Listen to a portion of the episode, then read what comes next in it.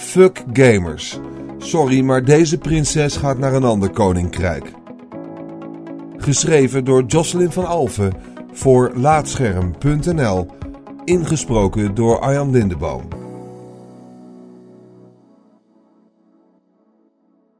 Ik kan me de eerste keer dat ik bloot werd gesteld aan fanboys nog goed herinneren.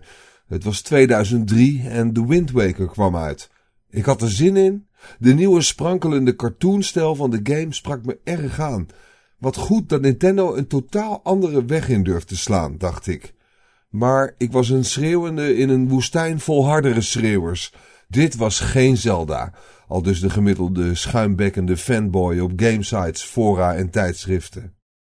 Ik snapte die reactie niet. Nintendo maakt zoiets moois en goeds en jij bent op je spreekwoordelijke pik getrapt omdat een personage grote oogbollen heeft? Geef die game een kans en je zult zien dat de Wind Waker een van de beste Zelda games ooit is. Maar toen ik dat tegen medegamers zei, werd ik weggehoond. Ik was een wannabe met een domme meisjesmening. Bovendien kunnen meisjes toch geen echte gamers zijn, dus waar bemoeide ik me überhaupt mee? Ik hoorde er niet bij, zoveel was duidelijk. Of sterker nog, ik mocht er niet bij horen. Er is een woord voor wat hier gebeurde: gatekeeping, oftewel poortwachterij. Fanatieke gamers, meestal cis witte mannen, zijn de poortwachters. Zij bepalen wie het gamekoninkrijk wel of niet mag betreden. En omdat soort soort zoekt, sta ik al mijn hele leven lang aan de poort. Voorzichtig benader ik de poortwachters die hun hellebaarden strak vastgrijpen. Ik vraag of ik welkom ben. Ik hou zo ontzettend van games. Het zou mooi zijn als ik die passie met gelijkgestemden kon delen. De poortwachters knijpen met hun ogen en kijken me wantrouwend aan. Ik word onderworpen aan een vragenvuur. Zo, dus je zegt dat je gamet. Je bent toch geen fake gamer girl, hè? Je weet wel, zo'n chick die doet alsof ze gamet voor de mannelijke aandacht. Nee, je gamet echt. Wauw, je bent mijn droomvrouw. Trouwen? maar wacht, voordat je ja zegt, wil ik eerst even weten wat je dan precies speelt. Nintendo? Die shit is voor kinderen en softies. Nee, het gamerkoninkrijk is alleen voor echte gamers. Hardcore gamers, weet je wel. Ik denk niet dat ik je binnen ga laten. Oh, je speelt ook God of War en Dark Souls. En heb je die dan ook uitgespeeld? Dat geloof ik niet. Hoe heet de eindbaas dan? En hoe lang heb je erover gedaan om die te verslaan? Zo lang? Noob!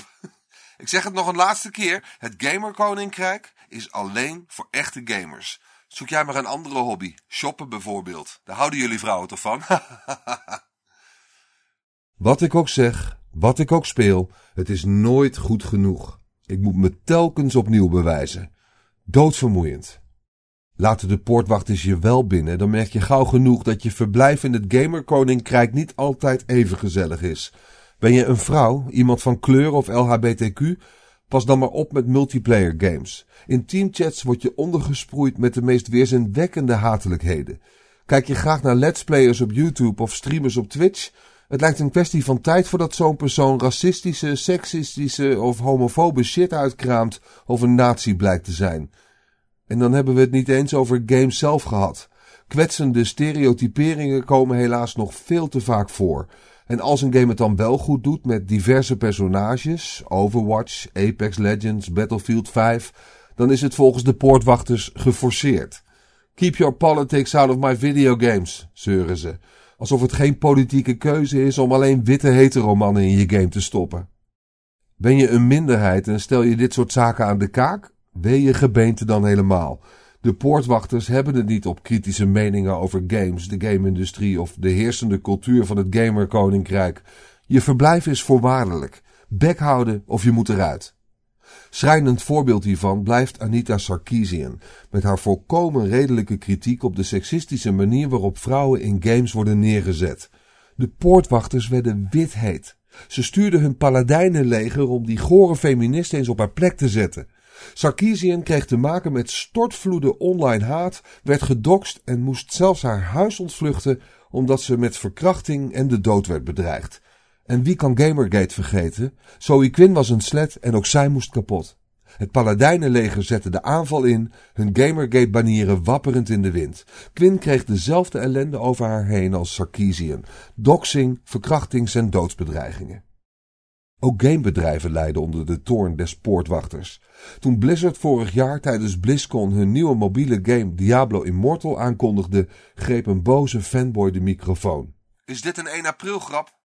Het publiek juichte. Ook op Twitter, YouTube en Reddit ging het los. De fanboys wilden een echte nieuwe Diablo, maar kregen een mobiele game.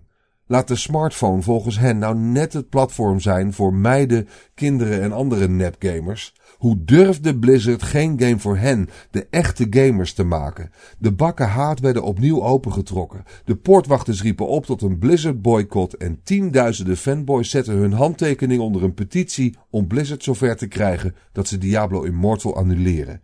Allemaal omdat een bedrijf iets anders maakte dan wat zij wilden. Het was dezelfde onzin waar Nintendo mee te maken kreeg bij The Wind Waker, maar dan heftiger.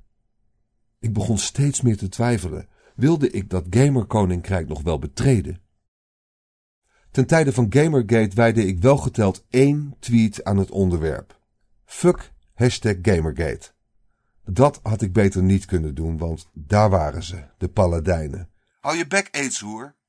Ik heb de tweet verwijderd en ben tijdelijk achter een slotje gekropen. Ook offline moest ik het soms ontgelden. Een ex liet me eens Dishonored 2 zien. Mooie game, zei ik. Alleen jammer dat er zo slecht wordt omgegaan met de vrouwelijke personages. Dat had ik beter niet kunnen zeggen. Ugh, waarom moet je ook altijd zo'n feminist zijn? snauwde hij. Over de woordenwisseling die volgde zal ik maar niks zeggen. Een andere ex liet me een keertje Horizon Zero Dawn spelen. Onwennig stuntelde ik met de besturing. Hij lachte me uit. Voor iemand die al haar hele leven games speelt, ben je er maar slecht in. Ik wist ze inderdaad goed uit te kiezen. Ik heb de controller er maar bij neergelegd en ik heb de poort naar het gamerkoninkrijk de rug toegekeerd. Kijk, natuurlijk, not all gamers. Mijn vriendengroep is levend bewijs dat er heus wel goede appels tussen de rotten zitten. Maar neem de gaming community als geheel. Ik zie het als een milkshake. Lekker, ik ben dol op milkshake, maar deze bestaat voor pak een beetje 10% uit vloeibare kak. Ik hoef daar geen slokje van, snap je? Laat dat hele gamerkoninkrijk dus maar zitten. Echt welkom ben ik toch nooit geweest. Daarom zeg ik, fuck gamers, fuck poortwachters, fuck fanboys en fuck hun shitty takes, verwende aanstellerij en bekrompen binaire gedachtegang. Fuck seksisten, homofoben, racisten en nazi's. Zo, dat gal heb ik gespuwd.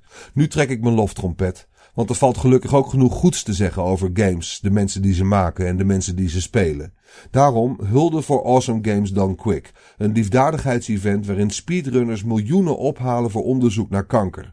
Hulde voor Harry Brewis, beter bekend als H Bomber Guy, die met zijn Donkey Kong 64 livestream 340.000 dollar ophaalde voor Mermaids, een organisatie die transgender kinderen helpt. Hulde voor inclusievere games zoals Overwatch, Dream Daddy, Celeste, Florence, Life is Strange 2, Pokémon Let's Go, Apex Legends en nog veel meer. En hulde voor Microsoft en een nieuwe Adaptive Controller speciaal ontworpen voor gamers met een fysieke beperking. Ze hebben gelijk. When everybody plays, we all win.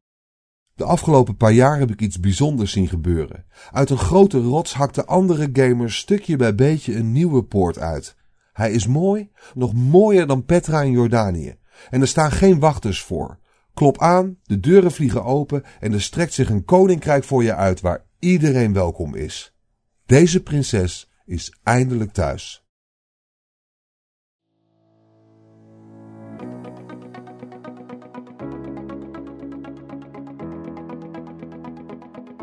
Dankjewel voor het luisteren naar deze aflevering van Laatscherm voorgelezen.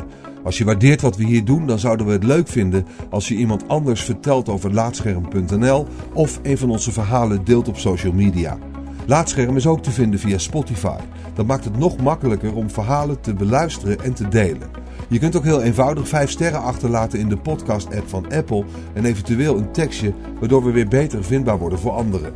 Luister ook naar onze andere podcast Praatscherm en ga voor meer verhalen geschreven of gesproken, naar laatscherm.nl.